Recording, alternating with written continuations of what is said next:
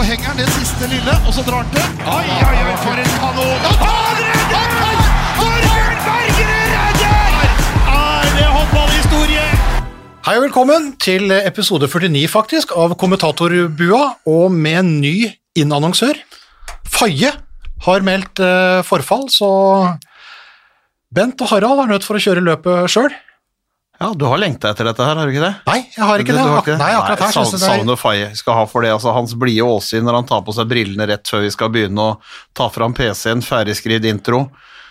Jeg savner ikke har ha med Faye her, men eh, vi får, vi får stå i det, må vi ikke det? Vi har vel bare kjørt én episode aleine, vi gamlegutta, før. Det var da vi var på besøk i Elverum hos landslagssjef Christian Berge.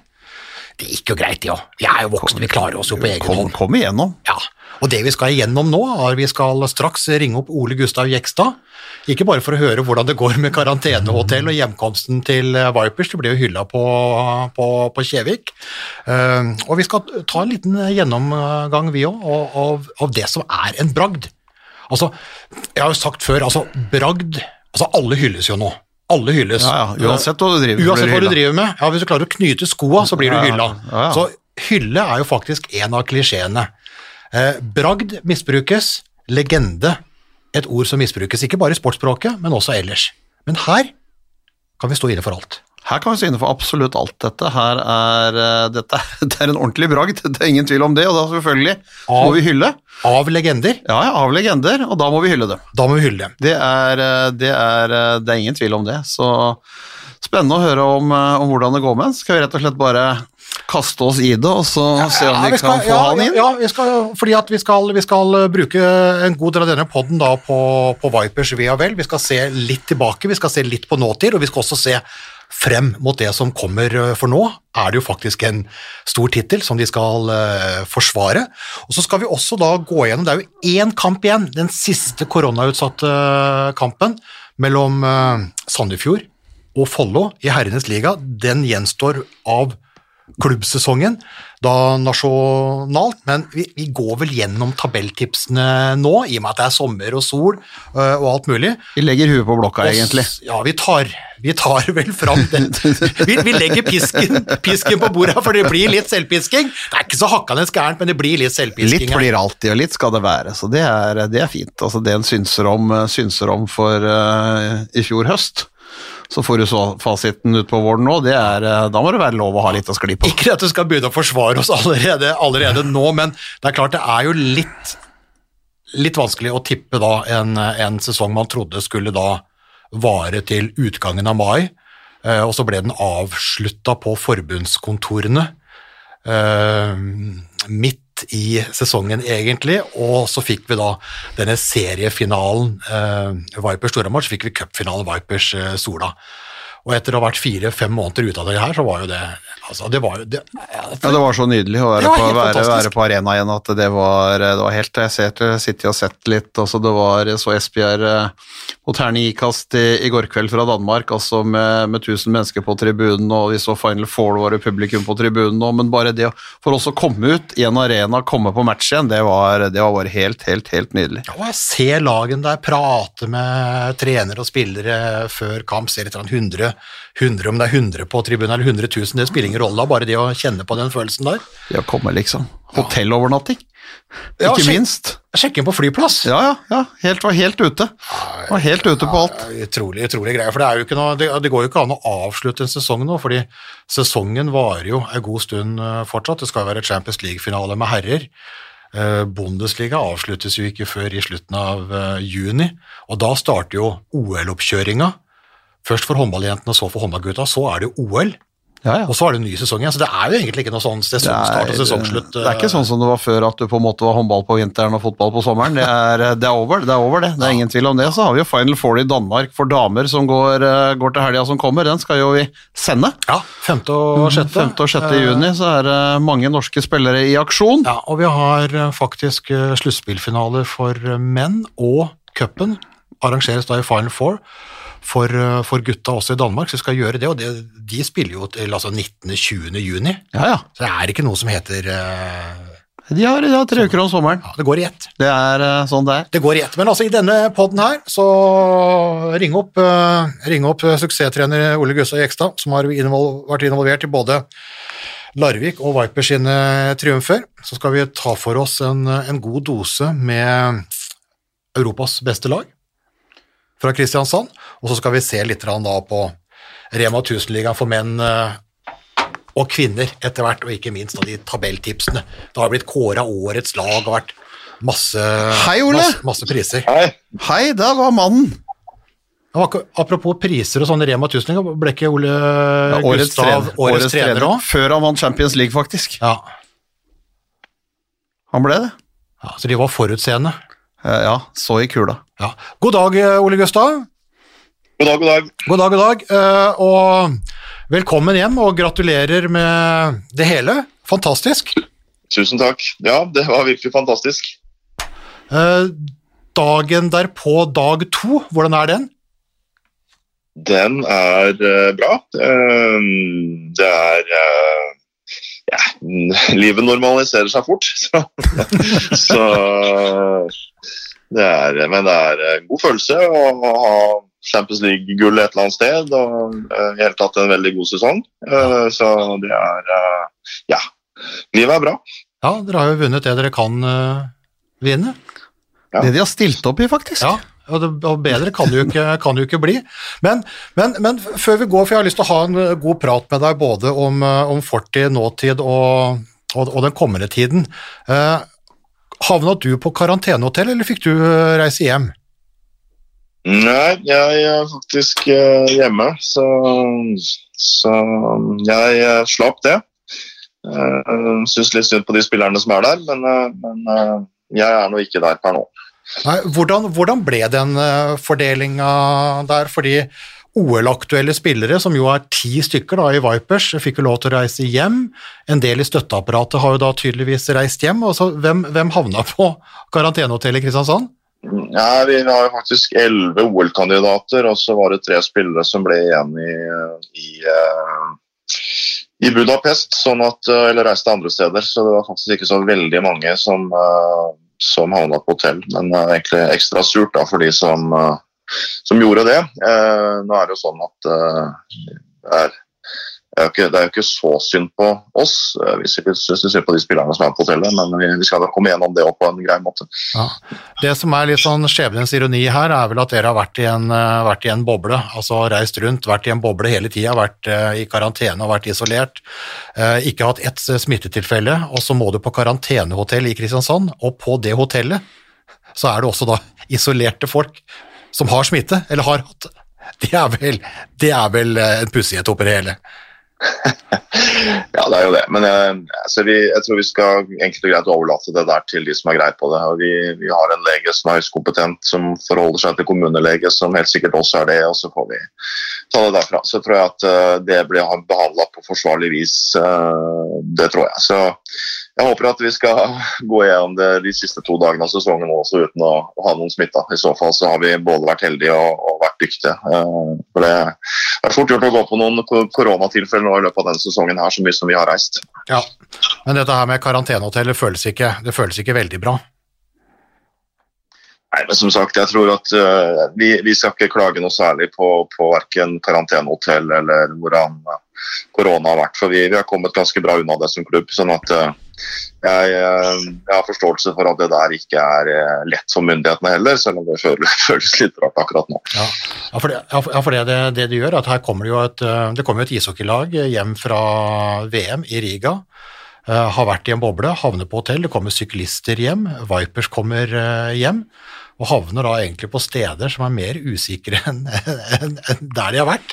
Det er jo Ja da, det er, det, er, det er rart, men samtidig så, så har jeg veldig stor respekt for eh, på en måte måten Ole tar det på, og at, at eh, det, er, det er vanskelig å kunne gjøre alle til laks. Sånn vil det alltid, vil alltid kunne være. og Så blir jo det rare da at eh, noen fotballspillere som er og skal spille en treningskamp mot Luxembourg i Spania og reiser med rutefly via, via Zürich til Malaga, liksom, de kan, de kan fly hjem igjen og gå rett på trening. så det er, så, så det er men, men, men jeg har stor respekt for måten, måten Ole, Ole tar det på. Det tror jeg også er mye av årsaken til den suksessen som de fikk. Fordi at de har greid gjennom en hel sesong, i hvert fall sett fra utsiden og snakka litt med noen, å legge vekk alle de tinga som ikke det er mulig å gjøre noe med, og så konsentrert seg bare på en måte om det de skal gjøre, og så kulminerer det med det, det Champions League-gullet, og det, det, er, det, er, mektig imponerende. Men det lille jeg lurer litt på sånn, Ole, det er jo altså, hvor trygge har dere følt dere når dere har reist rundt, liksom? Altså, det er jo, dere har jo vært mange rare steder. Nei, vi har vel ikke følt oss uh, så trygge noen steder. Men uh, vi har gjort det vi kan da, for, å, for å holde oss skjerma og unngå smitte. Jeg tror liksom største, Det største trøbbelet for det har kanskje vært de spillerne som har små barn. De har jo virkelig måttet forsake mye. Uh, ellers så, så er det jo blitt, det er blitt et par måneder i karantene i løpet av sesongen. Det kan jo det kan jo være så som så, men, men, men vi, vi, har eh, vi, Jeg, jeg syns stort sett at det har gått greit, så lenge vi har eh, levd i disse boblene og, og, og prøvd å holde oss unna folk. Men så tror jeg altså, vi har hatt litt flaks, fordi at vi kunne fort ha gått på noen smeller på flyplasser osv. Men vi er så heldige at vi har kunnet fly charter nå da i siste halvdel av sesongen, og det hjelper jo fælt. Ja, for det er, jo, det, er, det er, jo, to ting her som uh, gjør altså Vipers er jo ikke den største klubben i uh, Europa. Altså Det er veldig mange andre som har mer penger og, og satser større. Altså Motstander, husker du da vi var i Danmark på Golden League-turnering for noen år siden, og Brest, altså dette forblåste stedet ved inngangen til Atlanterhavet, eh, begynte å satse, og vi traff landslagstrener Olivier Krumholt på landslagsturnering i, i, Danmark, og han sa at nå kjører de i gang i Brest, eh, og de starter med 5 millioner euro, altså 50 millioner kroner eh, i det sportslige budsjettet. Eh, Vipers har vel nå passert 21, ligger mellom 21 og 22 eller et eller annet sånt, hvis jeg ikke tar helt feil, uh, Ole? Ja, det stemmer, det. Stemmer det. Altså, og, og, og, her har du da altså Bucuresti, du har Gjør, du har CSKA, du har Rostov Don, altså økonomien først. altså Dere er jo da en miniputt da, økonomisk i det landskapet her, og allikevel så er tydeligvis ikke penger alt. Penger er mye, men ikke alt. Ja da, det er det. Er det, det, det det er, ja. Vi må jo opp til et minimumsnivå for å kunne henge med i dette selskapet. Eh, men penger er ikke alt, og vi kan gjøre mye bra både i trening og ellers uten å bruke masse masse penger. Men eh, det er klart det er tøft å, det er tøft å være i toppen der eh, hvor vi merker at jaget på våre beste spillere blir hardere og hardere. Det er mange som vil ha spillerne våre, og det, det, det merker vi. Sånn at um, vi skal fortsatt jobbe bra på sport og virkelig liksom henge i stroppen. Og det jobbes knallhardt og bra på markedet hos oss også. Men vi må, vi må, nok leve med de rammebetingelsene at vi, vi, har mange klubber rundt oss som har større økonomiske ressurser. Det har de jo sånn sett, men, men jeg tror jo at altså, god trening og kompetanse det går på en måte, det trumfer ofte veldig mye av de penga som, som, rører, som rører, rører, seg rundt der. og Det er jo, som vi nevnte i stad, altså det å greie å holde det fokuset som dere har gjort, og greie å forberede dere inn til og, og trene inn på med alle de karantenetinga og det, det greiene der. Har det betydd noe på en måte at dere har sluppet å reise rundt i Norge og spille seriekamper og heller kan ligge hjemme og trene? For så ærlig må vi jo være at når du setter opp to lag på trening, så møter du nesten ikke sånne lag i Norge.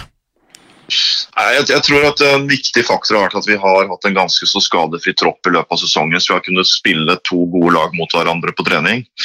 Eh, jeg er litt sånn usikker på hvilken, eh, hvilken, eh, effekt det har hatt at vi har spilt få norske kamper. Jeg synes I perioder så har det nok vært negativt for oss, og i andre perioder, som f.eks. inn mot Champions League-finaler eller semifinale-finale, så har det vært positivt at det ikke blir så tett. Så, men i hvert fall det at vi har hatt større mulighet til å holde spillerne friske, har jo definitivt vært positivt. Og, og, at vi har hatt en tropp som er såpass stor som den er. Det har vært viktig for oss. Ja, og En av årsakene det kan jo også være at du har spilt færre kamper i Norge, fordi at du, du spiller da Champions League en, en lørdag-søndag, og så må du da på en reise i Norge en onsdag, og så skal du ut igjen og spille Champions League, liksom. Så, så er det klart belastningen har blitt mindre ved, ved å slippe å spille seriekamper i Norge, så det kan jo være.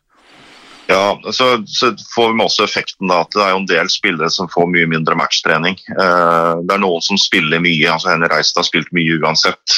Uh, som på en måte får nok kamper, også med landskamper. Mens noen av klubbspillerne får for få kamper, eh, hvor man er helt avhengig av at alt funker på trening for å få nødvendig selvtillit. og Det kan være utfordrende, men, uh, men, vi har kommet oss gjennom det også på en bra måte. Vi har hatt mange spillere som har fått veldig veldig lite spilletid, som har jobba som uh, galeislaver hele sesongen. Så det, det er jeg veldig imponert over.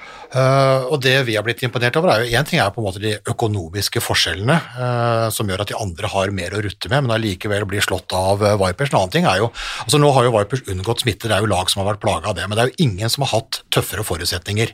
Alle andre har kunnet spille og reise nesten fritt. finalen skulle vært den 20. kampen, det ble 17. Tre måtte avlyses, to ble dømt til tap, altså ga et dårligere utgangspunkt. To av 17 spilte kamper, ble spilt på hjemmebane. To av 17 kamper! Eh, nå skulle ikke alle bortekampene vært spilt på hjemmebane, men det, det, det, viser jo bare på en måte at den har vært på, vært på turné, og denne karantenetida på to måneder Jeg mener jo at dette, det her gjør jo prestasjonen ekstra eh, imponerende, men jeg tenker litt på Ole. altså En kan jo nevne opp alle sånne minusfaktorer likevel, da, men, men har det kommet noe positivt eh, ut av dette her, som har gitt dere den gutsen som skulle til for å, å dra i land det trofeet? Eh, ja, definitivt. For det første så har vi jo sagt lenge at det spiller ikke noen rolle hvor vi spiller, vi skal slå alle alltid. Eh, det er en klar målsetning. Og så tror jeg at en viktig faktor har jo vært at det har kjørt ganske hardt på at hvis vi reiser et eller annet sted og har en liksom sånn vagt håp om å vinne, eller håper vi vinner, så gjør vi antagelig ikke det når vi møter det beste. Vi må bestemme oss før vi reiser hjemmefra at vi skal bort til Rostov eller hvor det måtte være, og, og, og, banke de vi spiller mot.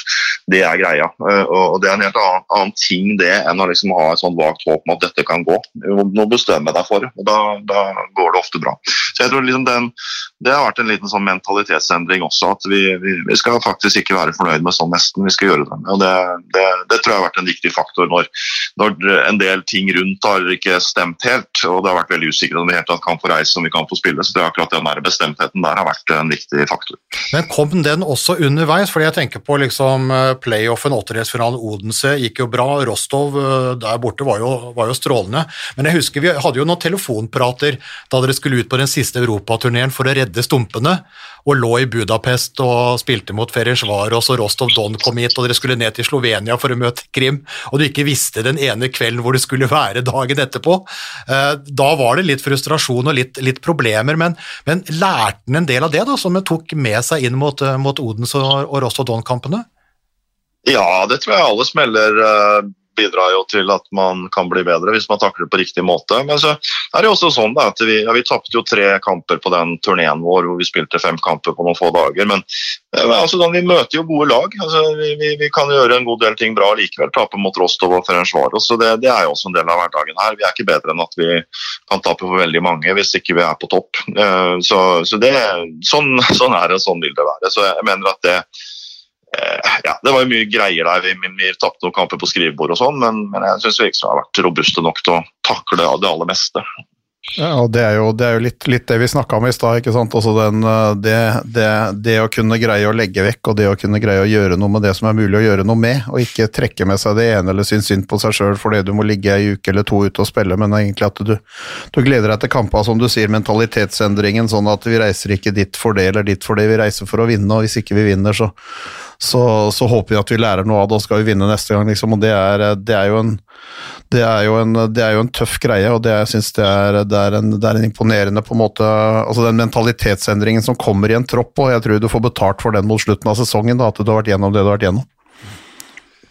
Men hvis, da, hvis du vil eh, sette opp, eller hvis du vil, vi spør deg vel egentlig, Uh, om uh, de viktigste suksessfaktorene i en spesiell og krevende sesong, hvor en da tar det største trofeet. To år egentlig før uh, fristen for, for målsettinga gikk ut. Hva var det, Ole?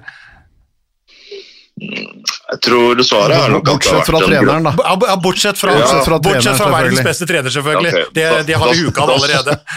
Vi glemte å nevne det for deg. Ja.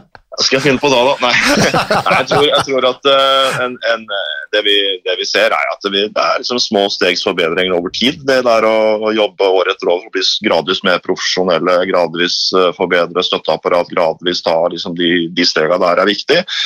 Det å finne de riktige spillerne er definitivt helt avgjørende, men også viktig å ha med seg et bra lag på utsida av banen. Vi har flinke folk på medisin, vi har flinke folk til å følge opp på andre felt. sånn at jeg tror den, den totalen er viktig. Det er ikke noe som kommer over natta natta, men det er en, en, en jobb som har pågått i noen år med liksom å, å bli litt, litt, bedre. Og Det er vel fortsatt sånn jeg tenker at det er vanskelig å finne på noe som er sånn vanvittig genialt i denne sporten, men det er som å ta de små stegene hver dag og prøve å bli litt bedre på enkelttinga. Det er vel så, så kjedelig som det.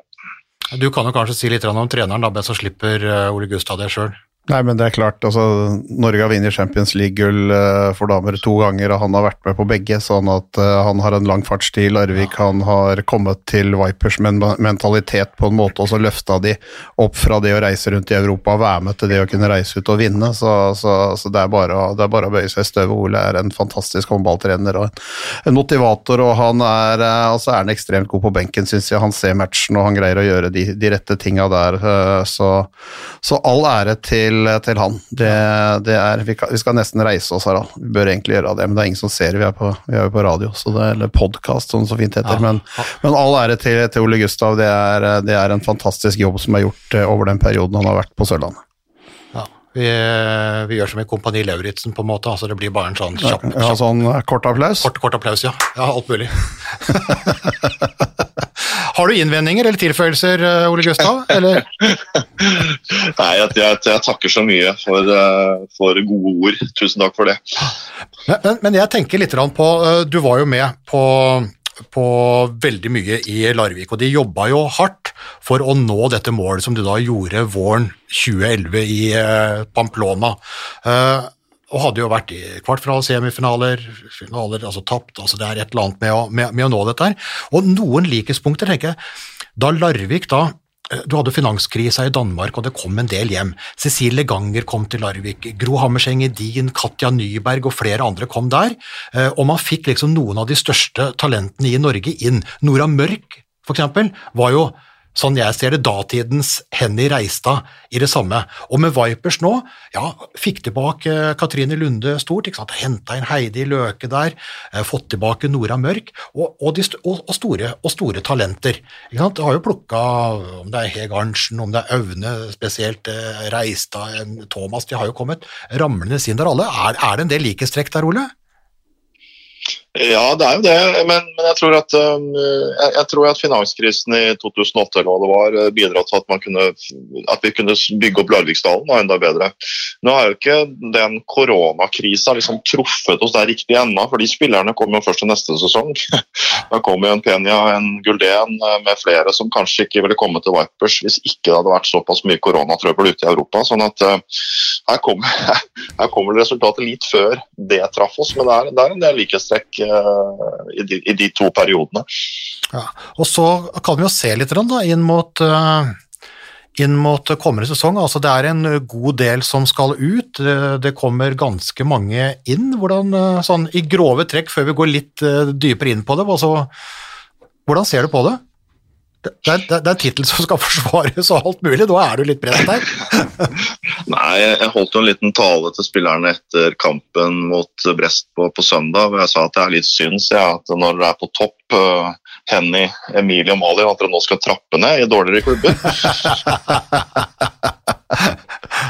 Nei, men eh, nei, altså det, er, det er alltid kjedelig å miste håndballspillere, men det kjedeligste er å miste menneskene som man har hatt relasjoner til i lang tid. Altså, er det alltid sånn med tidsbestemte og stort sett korte kontrakter, så, så går noen ut og noen inn. Eh, jeg syns vi får en veldig spennende stall neste sesong. Vi får mange håndballkloke spillere inn, men så tror jeg også vi må spille litt annerledes. Vi får litt andre typer. Så det er spennende. Eh, og så er det selvfølgelig Eh, ja, Linn Sulland fikk jo en fantastisk avrunding på sin karriere med Champions League-gull. Det var veldig veldig fortjent. Hun har vært eh, dedikert og profesjonell i, i, i 20 år, eh, så det var veldig veldig bra. Vi hadde Jun Andenes, men også Karulne Ra som får Champions League-gull, så det, gull, det, det, er veldig gøy. Og så, så er det bare å ønske lykke til til de spillerne som uh, reiser andre steder. Det er jo mange andre grunner enn å spille på godt lag for å reise ut og oppleve verden og, og se litt andre ting. Eller komme nærmere kjæresten eller hva det måtte være. Så det har vi respekt for. Og så mener jeg at vi har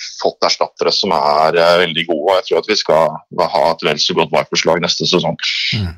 Ja, fordi du nevner, jo, du nevner jo, alle her. altså det var, jo, det var jo helt umulig å ikke legge merke til Henny Reistad. altså Har jo hatt en uh, strålende utvikling i karrieren, og så topper du det helt. Altså Når en 22-åring kommer inn og skårer ti mål i semifinalen og tolv mål i finalen, så blir, det, så blir det voldsomt. Og du får inn en uh, Guldén, du får inn en Pena, du får inn en uh, Jirabkova på en måte da, i, i bakspillrekka der, men uh, vanskelig å erstatte Reistad, eller?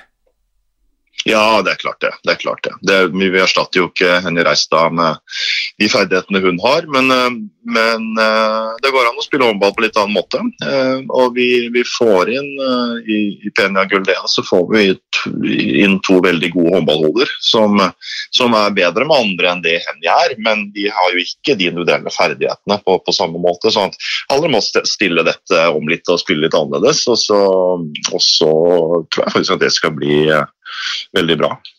Hvordan, hvordan, hvordan, blir det annerledes? Altså, Henny har jo noen, noen spisskompetanser, det er mye fart der og alt mulig sånn. Nå blir det uh, altså et, et, et, litt annet type lag, et litt annet type spill. Det trenger ikke å bli noe dårligere av den grad. Blir det mindre fart? Blir det, altså, hvordan, hvordan ser du for deg at det kan bli? Det blir nok, Jeg tror det skal bli mer fart, eh, men vi mister jo tre markante skyttere. Vi mister uh, Emilie Egarnsen, Linn Sulland og nå Henny Reistad, som faktisk har vært vår beste, vår beste skytter det siste halvåret. Uh, sånn at, og vi, vi, vi, får litt mer sånn halvdistansespillere. Så jeg tror det skal gå litt fortere. Og så skal vi uh, spille enda mer til avslutning langs seksmeter. Uh, vi får en Jerabkova som uh, toppskårer i Tyskland og skyter med mye mål bakfra, men, men, vi får ikke de markante skytterne som vi har hatt nå. Nei, og det kan, det kan, kanskje, etter å ha vunnet et Champions League-gull, så er det jo det aldri sånn. Det er selvfølgelig trist å miste spillere. Hvis vi kan måtte trekke en parallell til de som er, er best på herresida, så er Elverum gitt fra seg seks, åtte, ti spillere, tolv et år vel, sånn at og kommer inn der. Så, så, det er gode ferdigheter i spillere som kommer inn. og så, Som du sier, så må du jo legge opp spillet etter de spillerne som kommer og det som er. og det er klart Jeg støtter deg 100% på en, på en, på en Reapena og på en Guldén. At det, er, det, er mer, altså det er mer vilje og det er mye mer håndball igjen i, i de spillerne. Ellers hadde de jo aldri valgt å reise til, reise til Vipers. Da kunne jo altså Guldén kunne satt seg til Göteborg og spilt for CVH, liksom. Men når du velger å gå til Vipers, så syns jeg altså det er et signal om at hun ønsker å være med på den store scenen osv. videre framover framover. og Det er klart at kommer inn i et regime der og får, får mer ro rundt det enn det det kanskje har vært i Frankrike, så, så tror jeg det er veldig mye håndball igjen i gull igjen. Jeg tror det er jo en av ja, nå, Vi har så mange favorittspillere etter hvert, men, eh, men Bellan, Bellan det, har, det, er dame. Det er spiller. Bellan i den norske ligaen blir deilig for oss to. Ja, og Pena er jo et det er vanvittig håndballspiller, det også. Ja. Spanske, spanske veteran. Det er så mye håndball inni det hodet der, og det er vel det er vel eh, altså Misforstå meg rett, eh, Ole, men det er vel en dame du har vært ute etter uh, en periode? ja, du, skal, du, skal, få en for den, Harald. nei, nei, nei, vi har hatt noen møter opp igjennom. Uh, prøvd å få til uh, både den ene og den andre klubben. Men ja, endelig. Ja, for det er... Jeg tror, tror vi, jeg tror, at det kommer til å bli veldig bra, faktisk. Jeg er veldig trigga på ha noen gode år igjen. Ja, Jerabkova har, har, vi jo sett, altså hun skyter jo ja, Hvis du får ballen, så altså, skyter hun. Foran ballen så skyter altså det, det, det, må bli noen mål. Så har du jo Ana Debelitz, da, som kommer hentende fra Sibir, altså Rakanotska der, altså uh, Kroatia, overraskelseslaget i EM med bronse, var kåra til beste linjespiller i det mesterskapet. Og så er det Tuva Høve, da, altså, som skal være med, med Knedlikova fra Aker. Uh, 20-åring som er et talent. Og det jeg lurer litt på, Ole, da, er at med all den Larvik og Vipers-historien du har, så har han jo i perioder liksom klart å holde på liksom store landslagsprofiler. Han har klart, som vi nevnte, hente noen hjem. Og så har han jo vært ute og plukka i andre norske klubber. Uh, vi har jo nevnt ganske mange av de navnene både fra Larvik-tida og her. Men nå er det ikke like lett, eller? Er det ikke det samme, er det samme bassenget å fiske i lenger? Jeg tror det er to svar på det. Det ene er at du har nok rett i at det er, det er vanskelig å finne de spillerne i Norge som forsterker oss, og i hvert fall som skulle være med å realisere en drøm om å vinne Champions League innen 2023. Uh, og Det andre er jo at det faktisk er blitt mulig å hente inn uh, noen internasjonale spillere. Uh, og når den muligheten kom, så var det ikke noe tvil om at i hvert fall ikke i mitt hode, om at det var det vi burde gjøre for å være sterke nok. det var ikke lett å finne en erstatter for, for Henny eller for Emilie eller, ja, i, i, Norge. Så det, det, er vel, det, er vel, svaret. Så merker vi også at vi opp gjennom noen år nå har blitt mer attraktive for utenlandske spillere, og det er bra.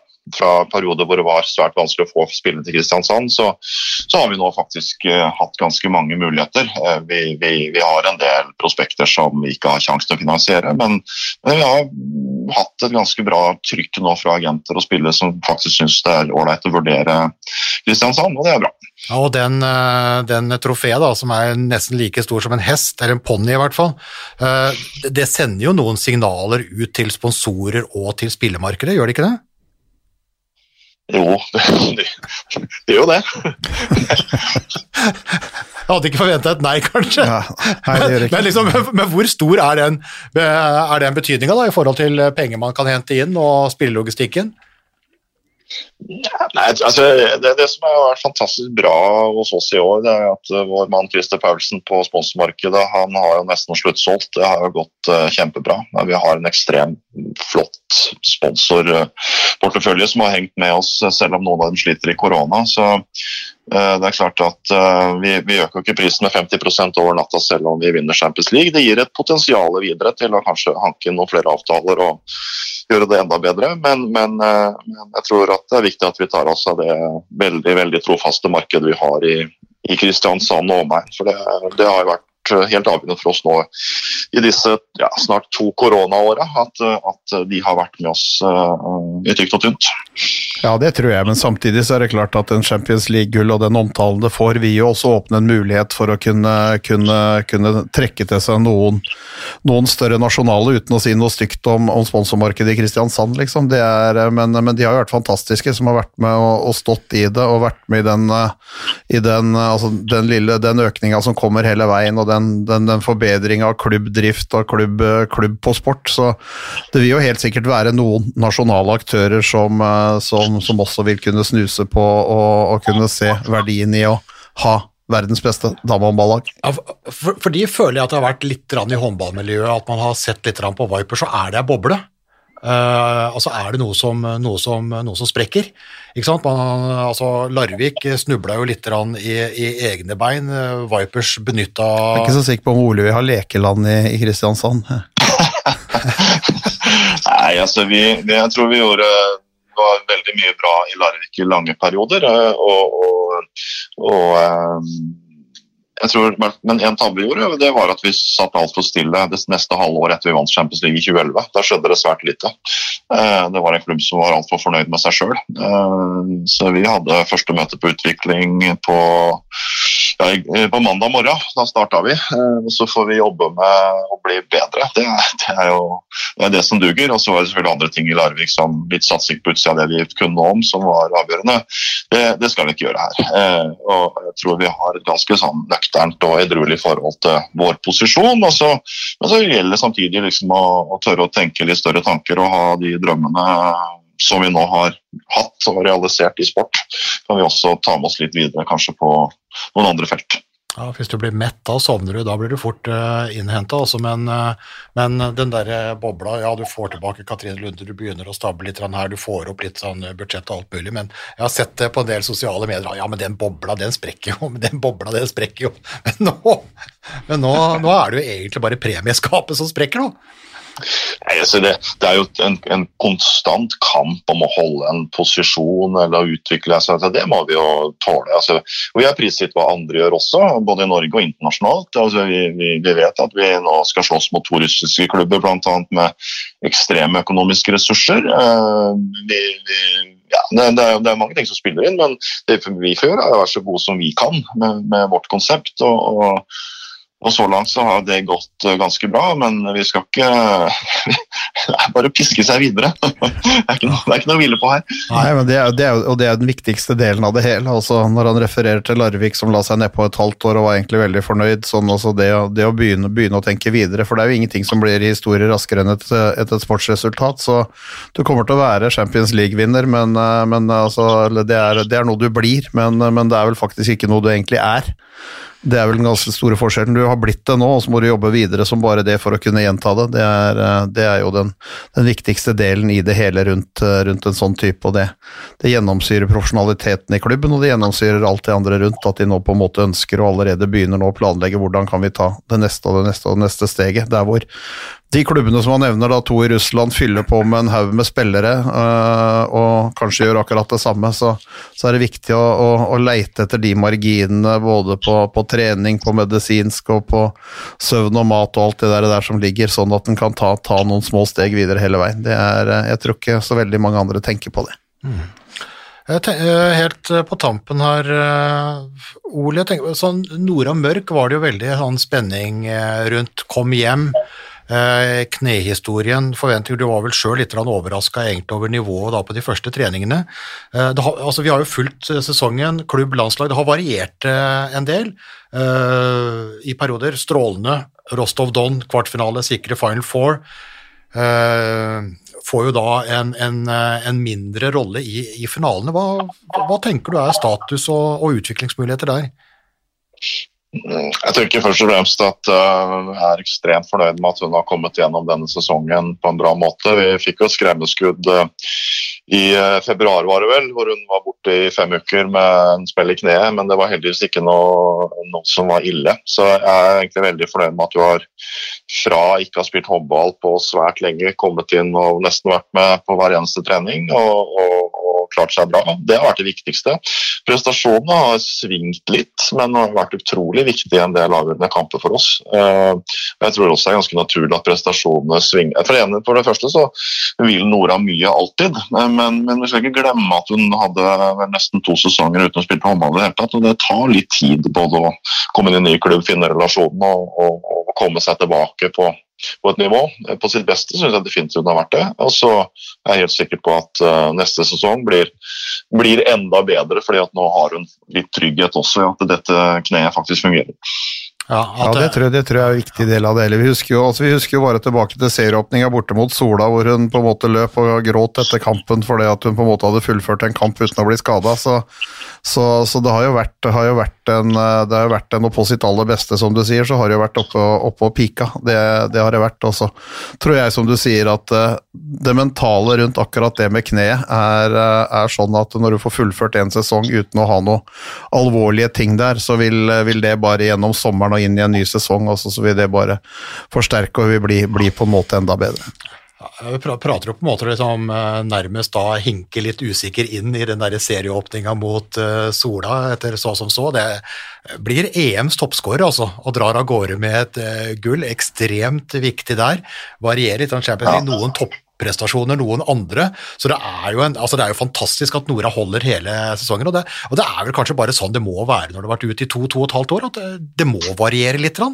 Altså, det må det. Også, jeg, jeg, var jo ekstremt imponert over hvordan hun håndterte mesterskapet. Hun egentlig spilte fornuftig. Eh, vi snakka litt om det i forkant også, ikke gå all in fra i første kamp i alle situasjoner. Jeg syns hun har blitt flink nå til å balansere satsingene sine, som jeg tror også er helt avgjørende for at hun skal holde seg på banen i noen år til. Det er liksom å, å, å, velge bort en del av de satsingene som hun tok for noen år siden, som, som, blir for stor risiko. Jeg tror det er ganske mange spillere som har kommet til den erkjennelsen at man faktisk må gjøre ting litt annerledes for å holde seg på beina. Så, så Det syns jeg Nora har vært ekstremt flink til, og mesterskapet var jo helt fantastisk i så måte. Da var hun veldig, veldig klok i, ja, i, i alle kamper, egentlig.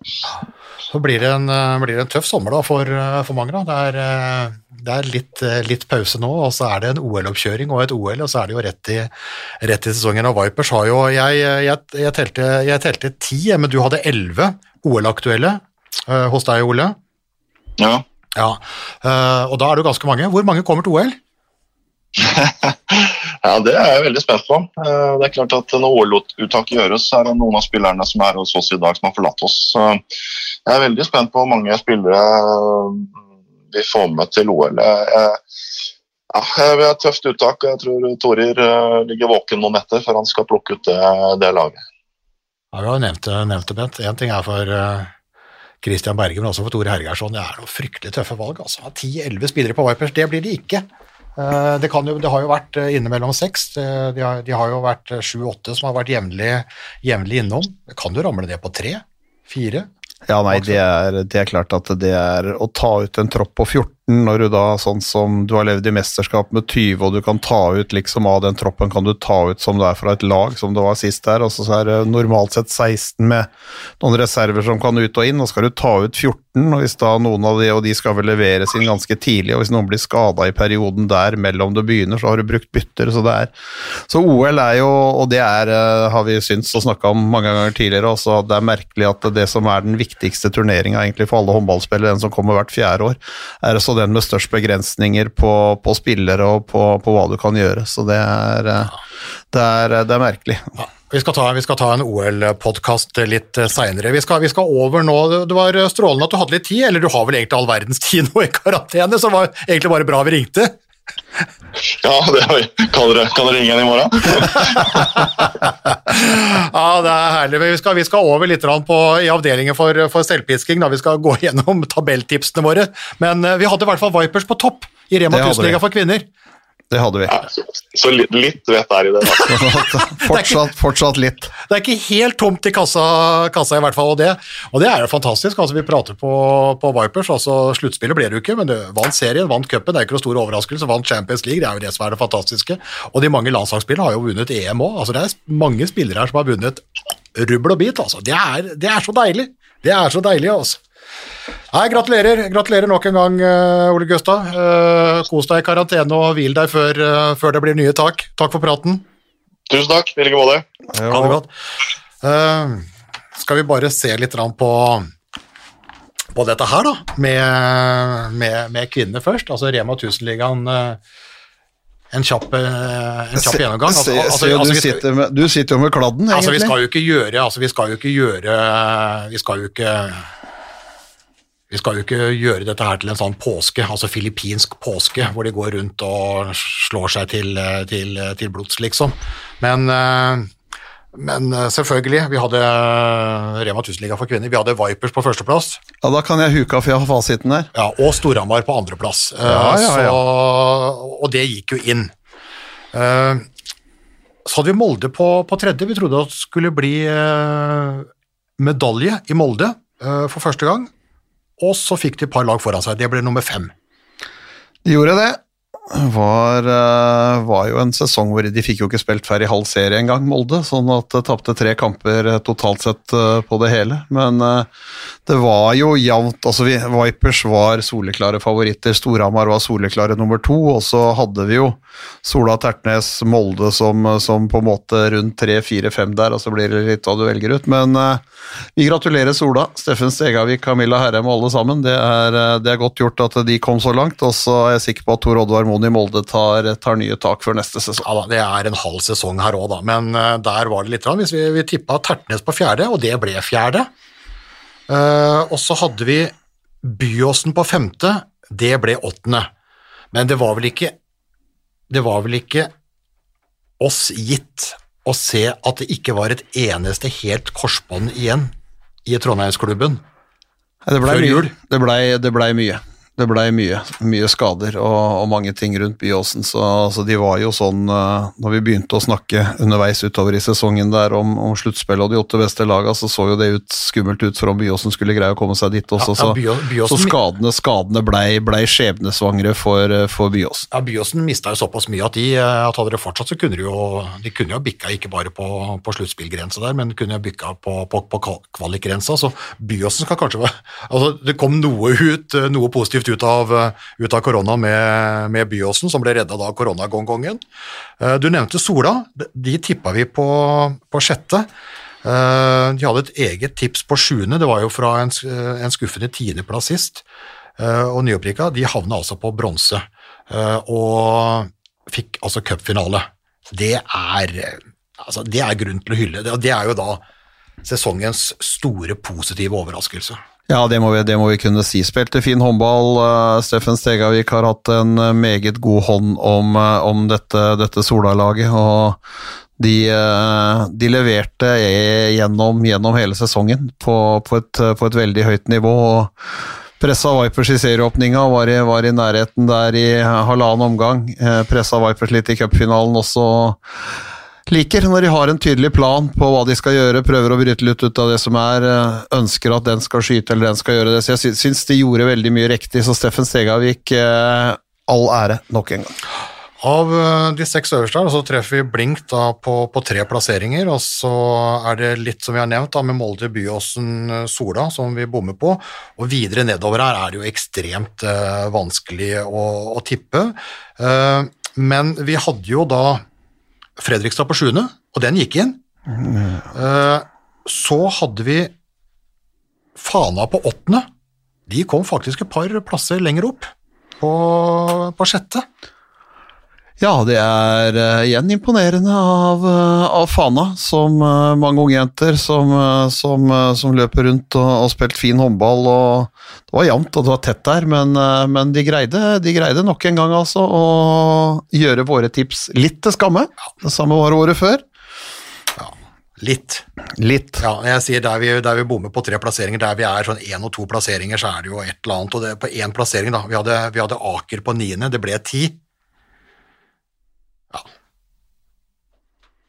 Den lar vi Så gå. kan, så kan jo til Akers forsvar da, si at uh, de spilte ni kamper og fikk seks poeng. Hadde de spilt uh, vunnet én eller to av de, hvis de hadde vunnet de to andre og fått fire poeng til, så hadde de, hadde de fått ti poeng, og da hadde de på en måte vært på, på sjuendeplassen som, som Fredrikstad står på. Så det, er, så, det er, så det er jo Så tabellen halter jo litt på antall matcher, men Aker er jo de som spilte minst kamper i løpet av en hel sesong. De spilte bare ni. Ja da, det er, en, det er forutsetningen at det er en halv sesong. Der, der vi på en måte skline litt ut, da overvurderte vi Larvik. Altså Vi, vi hadde dem på, på, på tiendeplass, altså kvalik men en Erik, og de havna jo da desidert sist, altså tretteplassen med, med ett poeng. Ja, det er jo når du med fasit i hånd, så er det ingen tvil om at vi overvurderte det Larvik-laget der som på en måte aldri kom opp. eh, Hadde fått noen gode spillere, skulle så fornuftig ut i første divisjon i fjor, og så blir de denne sesongen da koronaredda, eh, rett og slett. Så de får jo fortsette i, i Rema 1000-ligaen for kvinner, men, eh, men eh, sesongen sett under ett, så kan ikke Larvik være fornøyd med å ta ett poeng. De spilte ti kamper. Nei, men de får, de får fortsette, da. Flint Tønsberg, litt andre, de hadde vi faktisk på 11., men ble nummer eh, ni. Eh, Igjen da, så har de, de har spilt elleve matcher, da. ja, Så, så, men, men de fikk sine syv poeng, det skal de gjøre. Og all ære til, til Flint Tønsberg, som, som, som eh, greide å plassere seg over nedrykksstreken. Ja, og der er, så er det hårfint, da. Eh, Vi hadde Oppsal på 12., de ble nummer 11. Vi hadde Rælingen på 13., de ble nummer 12 i en halv sesong. Det er jo nesten Altså, det er ikke Bulls eye, men det er jo Det er i sektor. Eh, Jeg, jeg syns vi skal være veldig fornøyde. Da. Syns du det? Ja. Er vi der nå? Ja, nei, skal vi ikke Veldig fornøyde? det? Ja, veldig fornøyde. Ikke særs fornøyd, men veldig fornøyd. Nei, jeg tror kanskje vi skal tone ned den selvpisken. Det var ikke så hakkende gærent. Altså, Det var vi- ikke det, altså. Vi bommer, vi bommer jo på uh, Det er jo bare fire uh, lag av 13 som vi har plassert liksom akkurat på, på stedet. Uh, så sklir vi litt grann på Molde, Byåsen, Sola, Larvik. Ellers er vi ganske nær. Så det er godkjent, mener du? Ja, jeg syns det er godkjent. Da går vi over til Rema 1000-ligaen for, for herrer, da. Se om det er noe pisking, eh, pisking eh, der. Eh, samme der. Elverum Gull var jo store favoritter. ØIF Arendal på andreplass. Der klinker vi inn begge. Det gjør vi. Mange hadde Drammen på tredjeplass, som de da fikk, men vi hadde dem på fjerde. Husker du hvorfor? Ja, det var jo fordi at vi dro Kolstad opp da, på tredjeplass. De ramla jo på sjuende. Det var jo masse positivt i Kolstad inn mot sesong og alt, men, eh, men eh, de greide jo ikke. Men det er klart, det er jo, hvis du da ser hvis du sånn sett ser, De har jo fullført halvspilt serie. Elverum suverene på 22 poeng, ikke sant? Arendal fire poeng bak. Og så er det jo jevnt og tett, jevnt og tett i den, i den gjengen bak der. Da. Så, så Kolstad er jo ikke mer enn to poeng unna den, den plassen som, som vi tippa, tippa dem på. Men, eh, men all ære til, til Kjelling og Drammen igjen, da. Ja, men vi hadde Kolstad på tredje, og de ble nummer sju også. Vi hadde Drammen på fjerde, de ble da nummer tre, sånn som det har vært de siste sesongene. Eh, På femteplass hadde vi Runar. Det kan jo hende at det har vært, men de var jo den store skuffelsen forrige sesong, og skuffa vel egentlig litt inneværende sesong òg. Ja, i perioder, perioder så, gjorde, så, gjorde, de jo det. De endte, de endte på åttendeplass halvveis der med tolv kamper og tolv poeng, så, så, Men igjen, da, det er ekstremt tett der, og vi hadde jo heller ingen tanker om at det skulle bli en halv sesong når vi, når vi satte opp. Skal vi, skal vi, dekke oss bak det, eller? Ja, det er, Nei, ja, vi får, vi, får, vi får, leve i det. Men, men Runar, Runar, trodde vi skulle komme høyere, så ærlig skal vi være. Ja, Det er jo verre for Runar enn for oss, men, men Hastløm vi hadde den på sjette, ble nummer fem. Det er jo litt sånn kom si, kom sa. Uh, vi hadde Nærbø. Uh, Nærbø hadde jo e-, egentlig et eget tips på nummer ni. Vi hadde den på sjuende, og de ble da nummer seks. Altså nok en, nok en sesong hvor Nærbø da er hakket bedre enn det de sjøl tror. Og de havna også i cupfinalen. Ja, det er en fantastisk sesong for, for Rune Haugseng og hans, hans Nærbø-gjeng. Nå skal de spille Europacup uh, for, for første gang, så de tar de små stega absolutt hele veien. Og så blir det kanskje litt lurt at de undervurderer seg sjøl en del også. Det var jo første året de var på, så skulle de rykke ned. Da tippa de seg sjøl på tolvteplass, så, så vi må kanskje gjøre en vurdering på det. Vi må se på tipset til Nærbø neste år før vi på en måte setter opp tabellen. Men det er ett lag som vi i sesong etter sesong Altså, vi klarer aldri å tippe Bekkelaget. Det er helt umulig. Hvis vi setter Bekkelaget på medalje, så havner de i nedrykkssumpa. Setter vi dem på nedrykk, så tar de medalje. Vi har aldri fiksa Bekkelaget. Det er helt umulig å tippe Bekkelaget. Og nå tippa vi dem på åttendeplass, og det blir nummer fire. Ja. Og lenge så lå de inne på medaljene der og trua litt, og så kom jo Elverum, og så kom jo Arendal, og så kom jo Drammen. Men altså, Emil Midtbø Sundal er toppskårer som alltid, og Bekkelaget er topp fire. Og vi grisebommer igjen. ja, det, er faktisk, det, er faktisk, den største bommen vi har, for det er fire plasser unna. Ja. Største bommen av 26 lag, begge kjønn. Det er uh, Nei, altså, Emil Midtbø Sundal han uh, hamrer og skyter den ballen i mål absolutt hele tida. Toppskårer igjen og igjen og igjen. Bruker han selvfølgelig noen skudd på å få det til, men, men imponert over, imponert over Bekkelaget og sesongen de, de greier, å, greier, å, gjennomføre. Det, det er ingen tvil om. Uh, til trøst da, så kan vi si at Fyllingen overvurderte seg vel uh, sjøl litt, for de mente jo at de skulle bli nummer fire. Vi satte dem på niendeplass og de ble nummer ni. Der traff vi. Uh, det var jo litt sånn administrative justeringer og sånn uh, der òg, men, uh, men, dog. Halden har jo vært i, i playoff, redda plassen. vi tippa dem på tiende, det ble nummer elleve, så da visste vi jo egentlig at de kom til å bli der nede. vi hadde Sandefjord på ellevte, de havna jo sist. og det er jo den kampen som gjenstår, Sandefjord-Follo. Ja, vi trodde at det skulle gå litt bedre med Sandefjord enn det det faktisk da gjorde. Uh, Fjellhammer, vi hadde dem på tolvte, det ble nummer ti noe å si i ditt forsvar? Eller vårt forsvar? Nei, altså jobben Kristian Blisiak har, har gjort, med, gjort, med, den eh, Fjellhamar-gjengen De vant vel borte i Arendal, hvis ikke jeg husker, husker feil. og de, de, gjorde jo noen veldig gode prestasjoner med noen unge spillere som, som, var oppe der og som gikk til ordentlig. Så det, det er jo moro. Fjellhamar er jo en gammel, god, sagnomsust klubb som på en måte har vært, eh, vært oppe der og nikka for en del år siden. Så, så morsomt å ha Fjellhamar tilbake, og, og, en veldig god jobb som ble gjort rundt Fjellhamar-laget denne sesongen. her. Ja, vi trodde jo at nyopprykka Vik Viking skulle bli sist. De ble nummer tolv. De er vel en liten trøst nå, når de har uh, røket ut av Rema 1000-ligaen og må spille førstedivisjon etter at de tapte kvaliken mot, uh, mot uh, Nøtterøy. Tre, tre, matcher. Avgjørende, avgjørende kampen der, ja, ja. hvor, hvor, hvor, de bare ikke får ballen i mål. Har ikke sjanse på, slutten, har ikke sjans på slutten å lage mål der. Det er, det er, vondt. Viking er jo også en gammel tradisjonsklubb i, i norsk håndball som, som, som, da var oppe og falt, falt ned igjen i en sesong hvor egentlig alle skulle holde seg, men så ble jo det kvalingssystemet, da, i og med at gutta hadde spilt ferdig, spilt ferdig hele eller halv serie, så, så ble det jo laga et kvaliksystem på, på, de tre nederste, med, med, de med nummer to, tre og fire fra, fra førstedivisjon. Så Viking er den som har røket ut. Halden vant klart over Falk Horten, og så er det Sandefjord og Follo da som skal ha denne tredje og avgjørende matchen for å se hvem som får lov til å ha Rema 1000 på armen sin, eller hvor de nå plasserer det merket, i neste sesong. Ja, øh, Hvis jeg skal gi et uh, terningkast her uh, Rema 1000-ligatipset for menn Eh, jeg syns det var eh, en treer, tre, tre, fire, fire kan vi få. Firer. En svak firer. Ja, en svak firer. Ja, for vi har jo liksom fire, har, fire plasser på bekkelaget, men bekkelaget skal vi egentlig, kan vi egentlig ikke ha med ja, i tipset. Bekkelaget er, ja, Så, så hvis vi tar vekk bekkelaget, liksom, Ja, vi kan er, ikke ta bekkelaget ut av Rema 1000-ligaen fordi at tipset vårt skal bli bedre, for de fortjener definitivt plassen. det er ingen tvil om. Men, men det er vanskelig å tippe det. Men det er klart, vi, vi har jo de to første. Vi sklir jo på én plass på Drammen på medaljene. De som ligger i midtsjiktet, ligger jo inne her.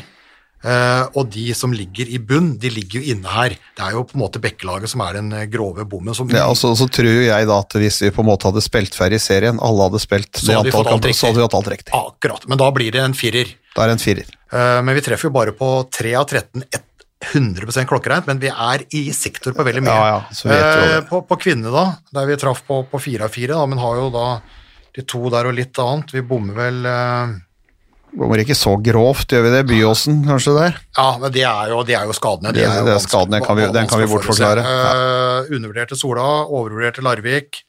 Molde ramla litt ut, vanskelig. Nei, det er en firer der. er Firer? noe, ja, vi får ikke noe mer. Så ærlig må vi være. Vi kan ikke få noe mer på det. Ja, så kan dere Men vi gjorde det så godt vi kunne. Det er jeg faktisk litt usikker på, skal men, vi, skal men, vi men, så men det ble som det ble. Skal vi sånn som Jekstad, når vi er ferdig her nå, så skal vi sette oss ned og ha møte. Med tanke på utvikling inn mot neste sesong. Med én gang. Ja, med én gang. Vi begynner ikke To berlinerboller og så en kaffekopp ute her, og så setter vi oss ned, og så begynner vi med en gang. vi begynner ikke å vurdere tabelltips uh, 31. august. Nei, nei, dette skal i gang nå. 1. september. Dette Vi, skal i vi gang går i gang nå, rett etter en rett etter det her. lang lunsj. Ja. Eh, du, uh, vi går ikke inn på alle prisene, for det har vært uh, veldig, veldig mange. Men eh, litt tilbake til, eh, til kvinnene, da. Eh, og der er det jo på en måte Årets arrangør. Den falt ut i år, faktisk. Nei, det ble jo ikke arrangert, men, men eh, årets, eh, årets trippel, altså Henny Ella Reistad eh, Ikke bare årets eh, midtbekk, men årets spiller, og også årets profil. Ja. Den siste henger jo, henger jo høyt oppe, og faktisk 100 fortjent. Ja. 100 portent, som du sier. Det har vært en, en utvikling gjennom sesongen som har vært eh, formidabel. Rett og slett. Altså fra å være den som gjorde mye av satsingene, som gjorde gjennombruddene hele tida, til å avslutte Final Four helga nå som most valuable player, og som Ole Gustav Jekstad sa til oss i stad her, som den beste skytteren Vipers har hatt. Altså skytteren. Den fotrappe, gjennombruddshissige, gjennombruddssterke kontringsspilleren eh, Henny Ella Reistad har blitt en skytter. Og mm, også med en enorm spenst, en god kontroll på kroppen, en arm som henger høyt, og et håndledd som greier å styre det den ene og den andre og tredje veien. Så går det ganske unna med den ballen nå, altså. Det er uh... Most valuable, altså, altså starter jo sesongen uh, bra uh, etter ryggtrøbbel og sånn forrige, forrige sesongen. Er jo bra i EM, men, men det er jo fortsatt Veronica Christiansen, Stine Brede og Noran Børk som driver det meste av showet. Hun har en innslagsspiller som er en viktig spiller, men er jo ikke den som driver Norge til, til EM-gull. Hun er jo på en måte én i mengden, men etter hvert på med Viper, så det hun gjør i i, i Champions League-finalene er, er jo et eventyr. Ja, det er et eventyr, og det er, og det er sannsynligvis den norske spilleren de kommer til å snakke mest om når de skal inn og spille et OL nå. Hvordan det skal prøve å få stoppa henne, for nå har de prøvd og prøvd og prøvd. Og, og det var liksom ikke noe Det var ikke B-laget til noen, men det var liksom Brest. Du så måten Brest Og så forsvarsspillet til Brest, åssen de kledde av Gjør dagen før. Uh, som hun herjer med akkurat som hun ville lage tolv mål.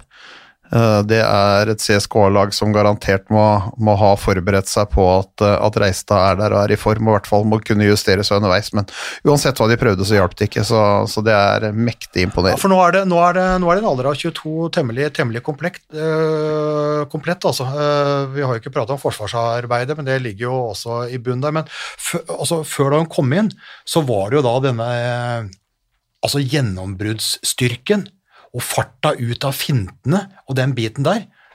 Nå har det jo blitt, altså I tillegg til en spilleopplegger, er jo et helvetes skudd, altså. Ja, det er, det er imponerende fra, fra lufta. Altså, det er rett på, så kan hun fyre, hun kan gå skrått og skyte, hun kan eh, flink til å vri tilbake, flink til å skyte opp. Og. Nei, det, er, det har vært eh, de, de to kampene, de, de, to ganger 60 minuttene som hun spilte i Final Four Ja. nå, var ellevill. Og hun fikk jo den trippelprisen, og, og, og, og, laget her settes jo opp av kollegene. Det er Ja. de andre spillerne som stemmer, eh, stemmer inn, og spesielt på årets profil da, så er det, jo, er det jo enda flere involverte, og dette her ble jo satt opp da før uh, Final Four. Eh, og Vipers har jo på en måte en sentralrekke her, da, for de har jo også Heidi Løke inne som årets linjespiller, eh, og Katrine Lunde som årets eh, målvakt. Og så har de da også kommende sesong årets høyre kant, Tuva Høve Ja. fra, fra Aker. Burde de hatt flere, eller var det der? Mange ville vel kanskje tro at Nora Mørk skulle komme på det laget, men, eh, men som høyre bakspiller så var det Maja Jacobsen i, eh, i Storhamar. Ja, nei, det er klart. Altså, det, det, var vel, det rare var vel en sesong eller to siden hvor, hvor de nesten hvor kanskje hadde én på årets lag, liksom. Du vinner alle kampene, så det er, så det så det er, sånn, det er sånn det er. Men, men det er fullt fortjent til de som var der nå, jeg syns det. Og så overraskelseslaget, da, for Sola har jo, har jo skuffa nå, men med, med Steffen Stegavik inne, altså bronse i serien, sølv i cupen. Eh, Malin Holta er jo inne på venstre bakspiller, skal jo ut igjen, men de forsterker, og så er det jo da kona til sjefen, Camilla Herrem, på venstrekanten.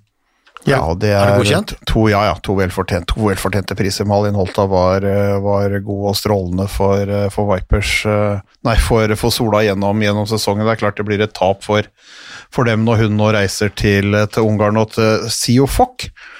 Men, eh, men eh, det har vel på en måte kanskje ligget litt i korta. Hun blir eh, toppskårer med et snitt på 7,5 skåring per, per match. Så, så det har vært en, en sterk bidragsyter til også den fantastiske sesongen, sesongen til Sola. Uh, en titt på Rema 1000-ligaen uh, for menn. Ja, årets uh, Rema 1000-spiller, Emil Midtbø Sundal, det er toppskåreren og den som på en måte skøyt Bekkelaget så langt oppover der. Han ble jo toppskårer, han ble årets spiller i Rema 1000-ligaen og også årets uh, høyre bakspiller. Ja, trippel. Trippel, trippel på han. Ja. Det var uh, vel uh, han, fikk nesten, han fikk 40 av stemmene, nesten. Er vel det står her. Ja, så Dominic Mater rett bak. Og en som da vil ha håndballen på si, jobber som lærer. Kunne ha dratt ut på proffeventyr eh, både, både før og nå, men har valgt liksom å spille i bekkelaget og, og på, på si, for å si det sånn, Ja, og, og, og, være, og være lærer. Det er det Det syns jeg, det altså. jeg, er helt herlig. Helt herlig fyr som, som på en måte syns det. Syns det er ålreit å jobbe og spille litt håndball ved siden og, og kose seg med det. ekstremt viktig for eh, bekkelaget sesong etter sesong, og kanskje en av årsakene til at vi da driter oss ut eh, på tabelltipset hele tida, selv vi, vi, vet jo, vi vet jo at han kommer til å bli toppskårer, men allikevel så er det vanskelig å vanskelig å, å forutse. Vi skal, vi skal se det, altså Elverum har jo vært det klart beste laget, og der er det litt sånn som du nevnte med Vipers her, det er bare kaptein Thomas Solstad som er på årets lag på linja. Ja, det er vel ofte sånn. Altså, de har en, har en eh, brei stall. De deler i norske ligaen mye på spilletid, spiller nesten på, nesten på klokka. Det er klart at da blir du kanskje mindre markant enn en, en, enn- enn noen, av de andre, noen av de andre gjør og blir. Og så er det da i en klubb som har trøbla litt, grann, altså Halden, og så måtte jo ut i, eh, i playoff for å redde plassen, men det er to spillere på årets uh, lag. Uh, altså Kasper Lien uh, på, på høyrekanten har jo markert seg, har jo vært oppe og fått, fått landslagskamp og, og alt mulig. Og så Toke Bjelke Skrøder, da, venstre bakspiller. Har folk gått helt bananas og bomma helt, eller, eller, eller har de gjort helt riktig? De har gjort gode sesonger for, for Halden, begge de to der. Uh, Tokke Bjelkeskrøder har hatt et voldsomt skudd og laga mye mål for Halden. Og som du sier, Kasper Lien har vist seg fram på en enda større scene enn enn Rema 1000-ligaen. Og så hvis du da ser på, sånn, på, på antallet, da, som på en måte Han har 20, altså Toke Bjelke Skrøder har 20% av stemmene, så det er klart der har det vært mange som på en måte har vært på en liste etter hva han hadde satt opp og gjort. Så, men, men all ære til, til han også. Gjort en, gjort en strålende sesong for, for Halden. og Nå blir det også se Reva 1000-ligaen neste år, etter å ha blitt eh, tredje sist i seriespillet, men uh, gjennom kvalik greid å, greid å komme seg inn. Uh, Sola overraska positivt. Uh, fikk jo da to spillere inn på laget. Nærbø overrasker jo positivt, har to spillere på, på laget, de også. Uh, venstrekanten, Sindre Heldal, som jo da skal til Elverum. Også Andreas Horst Haugseng. Ja. Sønnen til Rune. drivkraften i Nærbø, og som da også kom seg opp og fikk litt rekruttlandskamper. Fikk rekruttlandskamp og vært en veldig viktig spiller for, for, for det Nærbø-laget. Sånn så det er, det er vel fortjent, syns jeg, til, til, alle de som har fått, fått, lov til å være med der igjen. Altså Elverum da har variert på spillere de har brukt i den midtre bakspillerposisjonen også gjennom, gjennom sesongen og i seriespillet, så, så men, men, en fantastisk god sesong av, av unge Horst Haugseng. Siste, årets målvakt, Sander Drange. Hva skal jeg si? Heieren. Heieren er fra Sande. Heieren er fra Sande, da er det ikke ja. heieren, men det er heieren. Da er heieren. Drammen. Representerer Drammen. Ja, det gjør den. Og Det blir jo spennende å se, fordi nå kommer det jo en uh, kollega fra ØIF Arendal Det kommer, ja vi, vi, altså vi, vi, skal ha en lunsj før vi går på tabelltipser, men uh, men uh, Elverum bytter jo en del rundt igjen. ØIF Arendal har jo mista en del pga. koronaen. Drammen har vel egentlig begynt å hente inn litt, med Basgaard Pedersen uh, her, uh, og en Herman Vildal blir spennende å se. Og så kommer det en ung, lovende keeper fra Sandefjord da, som har spilt i ØIF Arendal. Så ja, Nei da, det er, jo, det er jo, på en måte Det er jo litt av, litt av det som er nå. Det, vi, det er på en måte altså Elverum har, har, signert gode spillere for neste sesong. Det er ingen, det er ingen tvil om det. Selv om de slapp Alexander Blonstad gårde, så har de signert gode spillere som skal, skal, skal komme inn. Skjønning som blir borte. Så, så, men, men, men, det jeg er mest spent på, er UF Arendal, som har gitt fra seg veldig mange spillere. Josip Vidovic er jo allerede i trening med Elverum, playmakeren til UF Arendal. Sånn at uh, de sitter igjen sikkert med en god pengesekk akkurat akkurat nå, og så sitter de og ser og venter hva de skal, skal se på. De henta vel Fredrik Børm, en forsvarsspiller danske som, har vært, eh, som vel var i Frankrike eller Tyskland og før han ble henta opp til, til ØF Arendal. Men, men de, de, må fylle på med litt spillere. Men uh, de, har, de, har, litt penger akkurat nå. De kan, være, kan bli aktive på overgangsmarkedet den, den, neste perioden. og valgte jo også klubbikonet Eirik Heia Pedersen å gi seg. Gi seg sånn at, uh, så de må ha påfyll, det er de nødt til. Ja, men det skal vi se på seinere. Det skal vi gjøre. Når, eh, fordi nå skal vi runde av denne gangen. Vi har prata med Ole Gustav Jekstad i en halvtime i karantene og gått litt gjennom Vipers-biten. Og så har vi uh, gått gjennom uh, årets lag og godkjent det. Spillerne, ikke, spillerne, har faktisk peiling på håndball, det er veldig, veldig bra å, å konstatere. og så har det blitt en slapp firer og en ok firer på tabelltipset vårt. Og der kom vi sterkere igjen i august. Det er ingen tvil om. Uh, I tabelltipsform. Men vi kommer med en eh, pod til før uh, fellesferie. Vi må jo se litt videre på OL-uttak. Alt mulig. Plutselig dukker Faye opp igjen. Og, ja, ja, ja. Og så må dere huske på å følge med, da. Final Four fra Danmark. Førstkommende weekend, som ja, vi sier. Ja. Det, det, norske er over, men i Danmark så spilles det. Vi skal sende på, på sportskanalene til TV 2, så vi tar ikke ferie. Men akkurat nå tar vi rett og slett lunsj, gjør vi ikke det? Det er jeg helt enig i. Og så fortsetter vi å jobbe med tabelltipset. Det skal vi heller ikke se bort fra. Mot august. Og seriestart 1. september. Helt klart. Hepp, hepp. Takk Snakkes. for nå. Oi, oi, oi, oi, oi. Det er råsterkt! Så henger han det siste lille, og så drar han til. Oi, oi, oi, for en kanon! Han redder! Torbjørn Bergerud redder! Er det håndballhistorie? Moderne media.